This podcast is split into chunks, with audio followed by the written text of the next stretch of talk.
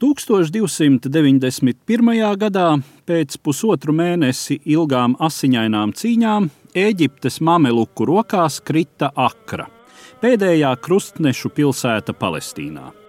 Cīņās izdzīvojušie hospitāliešu ordeņa bruņinieki atrada patvērumu kristiešiem joprojām piedarošajā Kipras karaļvalstī, Bet 14. gadsimta sākumā viņi atņēma tobrīd bojājas priekšvakarā esošajai Bizantijas impērijai Rodas salu Mazāzijas piekrastē. Tagad viņi sāka dēvēties par Rodas bruņiniekiem, un vairākas desmitgades bija ietekmīgs spēks vidusjūras austrumos. Tolaik šo rajonu šķērsoja Eiropai nozīmīgākie jūras tirdzniecības ceļi, par kuru kontroli cīnījās ietekmīgās Itālijas tirgotāju pilsētvalstis Venecija un Dženova, Ēģipte, kurā valdīja jau pieminētie mameluki, muhamedāņu karotāju sekta, un arī topošā reģiona lielvalsts Turku Osmaņu impērija. Rodas stratēģiskais izvietojums ļāva bruņiniekiem apdraudēt jūras sakarus starp turku īpašumiem Eiropā un Āzijā. Un osmaņi, kuri tobrīd īstenoja ekspansiju gan vienā, gan otrā pasaules daļā, nevarēja samierināties ar šādu stratēģisku draudu. Pēc tam, kad 1453. gadā Turku varā krita Konstantinopole, Rodas ieņemšana kļuva par sultānu stratēģisko prioritāti. Pirmais mēģinājums ieņemt Rodu, kuru 1480. gadā īstenoja Mehmets II, bija nesekmīgs. Pagāja vēl 40 gadi, līdz 1522.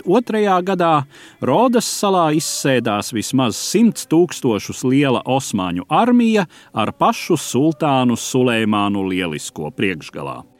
Rodas bruņiniekiem un viņu ordeņa lielmestram Filipam Delil Adāmam šis iebrukums nebija negaidīts.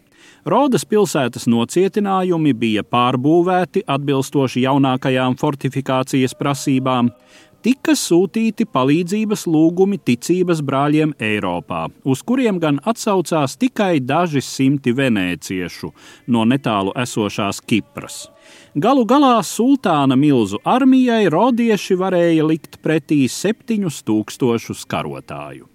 Roda izrādījās Osmaņiem cietsieksts. Viņu artērija, kura tika uzskatīta par tolaik labāko Eiropā, nespēja nodarīt nopietnus postījumus nocietinājumiem.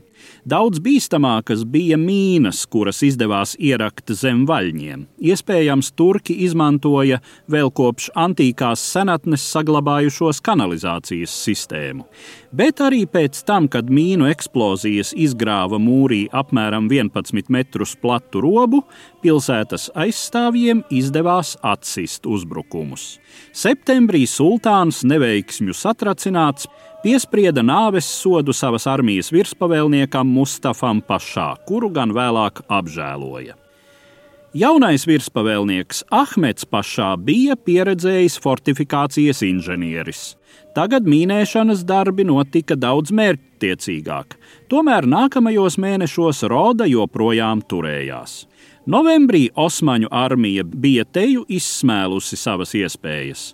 Turku nometnē plosījās slimības, kareivji bija demoralizēti, bet arī bruņinieku pretošanās spējas bija tuvu izsīkumam un uz palīdzību no ārienes nebija ko cerēt.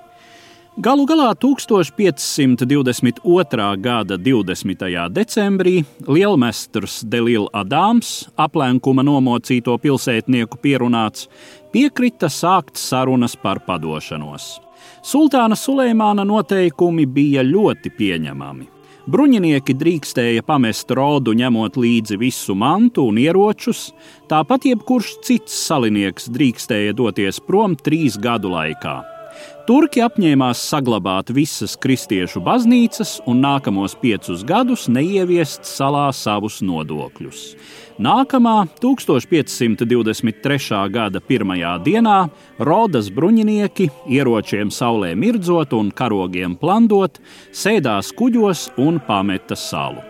1530. gadā imperators Kārlis V piešķīra ordenim kā lēni Maltas salu, kur tas turpināja valdīt vēl turpat 300 gadus, tagad saukdamies par Maltas bruņinieku ordeni. Stāstīja Eduards Liniņš.